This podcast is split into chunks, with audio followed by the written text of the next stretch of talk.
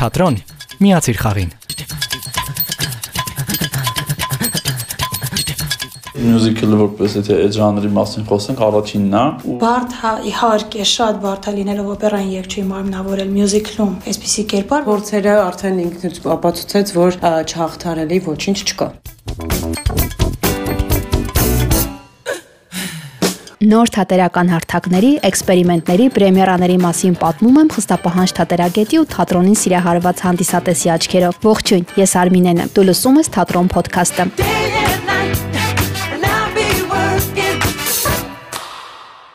Ժամանակակից ստեղծագործող Նարինե Աբգարյանը գրում է. Սերը բույրոնի։ Գեղեցիկ է ասված։ Ափսոսում եմ, որ մեր թատրոնները գրողին չեն անդրադառնում։ Նրա գործերը շատ թատերային են։ Մոտենում է ամենասիրառատ տոներից մեկը։ Ու մտածում էի, արդյոք ունենք ներկայացումներ, որտեղ կպատմվի սիրո մասին առանց վերամբարձ բառերի։ Պարզ մարդկային կյանքի մասին, ինչպես օրինակ Նարինեի գործերում է։ Գուցե կան, ես չգիտեմ։ Ամեն դեպքում թատրոնների խաղացանկերն էին նայում ու որոշեցի այս անգամ պատմել Հակոբ Պարոնյանի անվան երաժշտական կոմեդիայի պետական թատրոնում բեմադրված Սիրո պատմություն Նյու Յորքում մյուզիկլի մասին։ Բեմադրության սյուժետային հիմքը Մեկը ամերիկյան ամենահայտնի Side-յան պատմությունն է, որն էլ Շեքսպիրի Ռոմեո եւ Ջուլիետ պիեսից էր վերցված։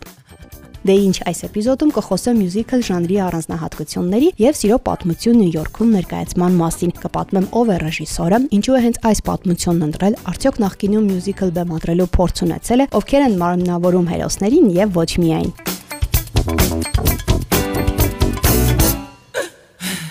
Բրոդվեյն ամերիկյան թատերական մշակույթի հիմքն է, որը ձևավորվել է 1920-ից 30-ական թվականներին։ Այն ընդհանուր անվանումն է 41 մեծ թատրոնների խմբի, որոնք գտնվում են Մանհեթենի թատերական թաղամասի Բրոդվեյ փողոցի ամբողջ երկայնքով։ Նյու Յորք ժամանած զբոսաշրջիկների համար գոնե 1 մյուզիկլի դիտումը պարտադիր է, ինչի շնորհիվ երկրի տնտեսությունն ամեն տարի աճում է, բերելով միլիոնների, երբեմն միլիարդների եկամուտ։ Մյուզիկլների կամ շոուների, ինչպես ամերիկացիներն են ասում, երկարակեցությունը կախված է հանդիսատեսի ընդունելու ընկերությունից։ Լինում է ներկայացումը տարիներ շարունակ խաղում են, լինում է հակառակը։ Պրեմիերայից հետո այլևս բեմ չի բարձրանում։ Հայ թատրոնի պատմությունն ուսումնասիրելով կտեսնեք, մյուզիկլներ շատ չեն բեմադրվել, բայց հետաքրքիրն այն է, որ ամերիկյան համարվող այս երևույթի որպես ժանրի ձևավորման հիմքում ընկած է հայազգի ռեժիսոր Ռուբեն Մամուլյանի Օքլահոմա բեմադրությունը։ Թատրագետ Անուշ Ասլիբեկյանը գրում է. այդ բեմադրության մեջ ուշադրություն էր դարձված ոչ թե բեմական շքեղությանն ու էֆեկտներին, այլ իրական կյանքեր ստեղծված, ժողովրդական կենցաղային տեսարաններով, նուրբ հումորով եւ ուրախ թեթևությամբ երաժշտական կոմեդիայի ժանրի օրինաչափություններով։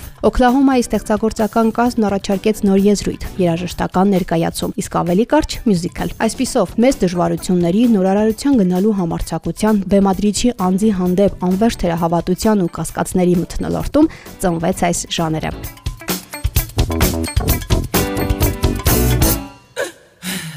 Մյուզիկլ բեմադրելը բարդ է, պայմանավորված ժանրային առանձնահատկություններով, բեմադրական ծանր աշխատանքների դժվարություններով, ծախսերի մեծությամբ, դերասանների պատրաստվածությամբ եւ այլն։ Անցյալ տարի Հակոբ Պարոնյանի անվան երաժշտական կոմեդիայի պետական թատրոնում Սամսոն Մովսեսյանը բեմադրեց Սիրո պատմություն Նյու Յորքում մյուզիկլը, որի հիմքում Ռոմեո եւ Ջուլիետի սիրո պատմությունն է։ Մյուզիկլը որպես եթե այդ ժանրի մասին խոսենք, առաջինն է ու բնականաբար միշտ առաջինը դու լիքը բան փորձում ես, որովհետեւ շատ բաներ երբեք չի արվել ու փորձում ես առաջին անգամ։ Ու իրականում նյութի հաղթահարման հետ կապված մենք ասենց բավական ճանապարհ անցանք դերասանների, սոլիստների, պարողների հետ, որովհետև մյուզիկլը այն ժանրերից է, որ մարդիկ ամբողջ կյանքը անցկացնում են դրա մեջ, սովորում են, տարիներով փորձ են ունենում, հա, հետո նոր խաղում են։ Այստեղ դերասանների սոլիստները բնականաբար ունեին բեմական փորձ, բայց շատերը նրանցից չէին խաղացել կամ պարողներ էին, ելի փորձ չունեին ու հենց դա ենք հաղթահարում, սա առաջին անգամ էր, որ իրենք ունեն խոսքով դեր, հա, խոսում են, նաև պարում են, երգում են, то есть այդ մի քանի բան անում են միասին։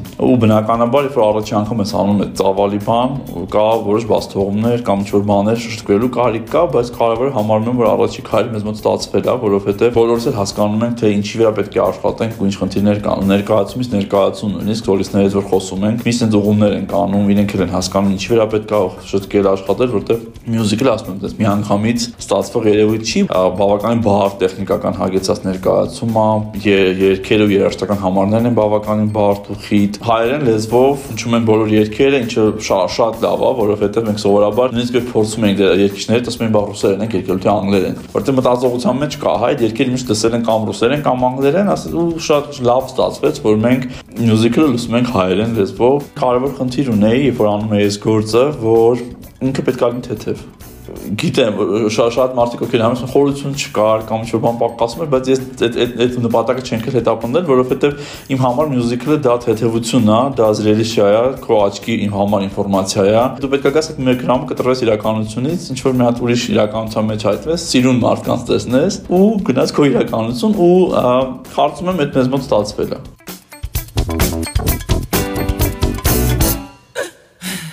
Դասական կամ ժամանակակից գրականությունից օգտվելու հանգամանքը մյուզիկլի բեմադրակարգում ի սկզբանե ընդունված էր, որովհետև հիմնականում այս ժանրի համար հատուկ ստեղծագործություններ չէին գրվում։ Բեմադրում էին կամ գեղարվեստական ստեղծագործություններից կամ առանձին լիբրետոներից հատվածներ։ Սիրո պատմություն Նյու Յորքում ներկայացման հիմքում բոլոր ժամանակների ամենագեղեցիկ եւ ամենաողբերգական սիրո պատմությունն է, բայց Շեքսպիրյան Ռոմեոն եւ Ջուլիետը մեր օրերում դարձել են Մարիա եւ Թոմ։ Իրադարձությունները զարգանում են Միացյալ Նահանգներում։ Հերոսները ամերիկացիներ ու պորտուգալացի գեղեցիներ են։ Գլխավոր հերոսուհուն մարմնավորողն ունե Գրիգորյանը չի բացում փակագծերը, թե ինչպես է ավարտվում այս պատմությունը։ Շատ հետաքրքիր է, բուրըն էմոցիաներով, միևնույն ժամանակ ինքը Ջուլիետի ոնց որ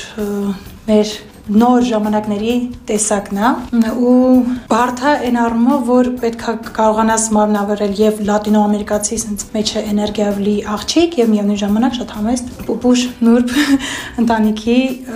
հոր եւ եղբոր խոսքը լսող աղջկա կերպար բարթա իհարկե շատ բարթա լինելով օպերային երգչի մարմնավորել մյուզիկլում այսպիսի կերպար որովհետեւ ձայնը այստեղ վոկալ մի փոքր ուրիշ տեխնիկայից օգտագործում, պետք է ավելի հստակ բառերը հասկանալի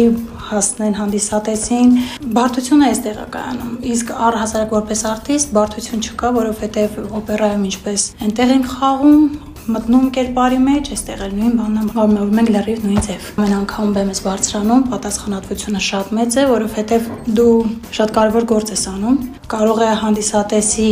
100 հոգանոց այսպես հանդիսատեսի մեջ լինի մեկը, ում կյանքը դու կարողանաս փոխել։ Չգիտեմ, ինձ համար սա շատ-շատ պատասխանատու է։ Դրա համար ամեն անգամ ելույթ ունենալուց, ամեն անգամ բեմ բարձրանալուց շատ մեծ պատասխանատվությամբ եմ մոտենում եւ հուզմունքը միանշանակ շատ-շատ-շատ է, որովհետեւ երբ որ արդեն ինչ որ չափով քո մասին ասում ես, գնալով ավելի ու ավելի պետք է կարողանաս այդ պլանքան պահել ու ավելի ու ավելի լավը լինես։ Ներկայացման մեջ ներգրավված են ավելի քան 85 հոգի դերասանների նվագախմբի հետ մեկտեղ։ Այստեղ էլ մեծ ուշադրություն է դարձվել թե բեմական ձևավորմանը, թե զգեստներին, թե պարերին։ Դերասանուհի Բելա Ամարյանը նշում է դժվարությունները սկզբում շատ էին։ Երկել, պարել, խաղալ միաժամանակ բարդ է։ Ես մարմնավորում եմ Անիտայի կերպարը, լատինոամերիկացու կերպարն է։ Ես իմ կրթությունը ստացել եմ կոնսերվատորիայում դասական վոկալով եւ երգում երգում եմ նաև օպերայում, օպերայից հետո երգել մյուզիկլային գործեր, բավական բարդ էր, բայց մեր պրոֆեսիոնալ աշխատակազմի շնորհիվ, իրենց հավատի շնորհիվ մենք այդ ամեն ինչը հաղթահարեցինք, թե բեմական խոսքը եւ թե երգերը։ Նախ երբ դերասանները խոսում են, իրենց խոսքը ավելի հստակ է, པարզ է, իսկ մենք վոկալիստներս, այսպես ասած, մի քիչ մեզ խնայում ենք խոսքի մեջ, որպեսզի վոկալի մեջ ավելի լավ մեզ ներկայացնենք։ Ես խոսքի ժամանակ շատ խեղճանում էի եւ մի քիչ ձայնս հավաքի, բայց երբ սկսեցինք աշխատել, սկսեցի վերարտադրել այդ խոսքը ճիշտ, որպեսի հասնի հանդիսատեսին, դա էր շատ իր բարդությունը եւ այստեղ շատ են parերը։ Parել, երգել, parել, երգել, մենք օպերայում այդպես ակտիվ չենք, այսինքն մենք մի քիչ ստատիկ ենք կանգնում ենք դաշնամուրի կողքը կամ օրկեստրի կողքը երգում ենք։ Հանգիստ մեզ համար էս այստեղ համ parում, համ երգում, սկզբից շնչակտուր էի լինում շատ այսպես ինչ որ ձայնով էի սկսում երգել, բայց փորձերը արդեն ինքն ապացուցեց, որ չհաղթարելի ոչինչ չկա։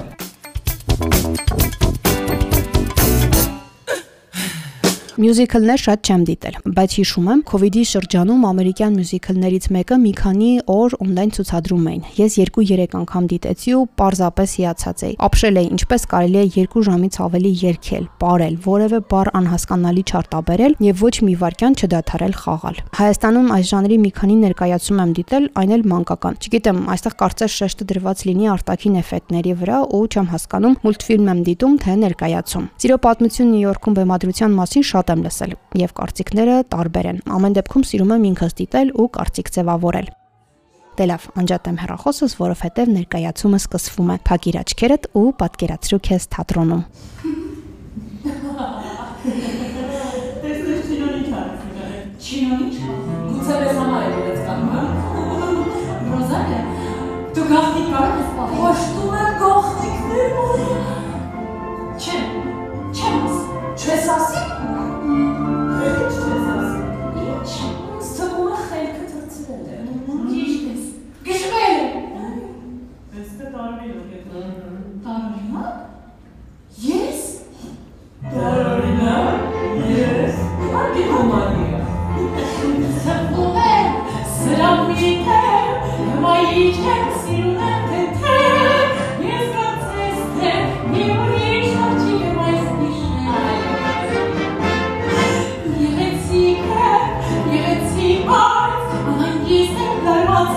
Ach, mir Joschke, mir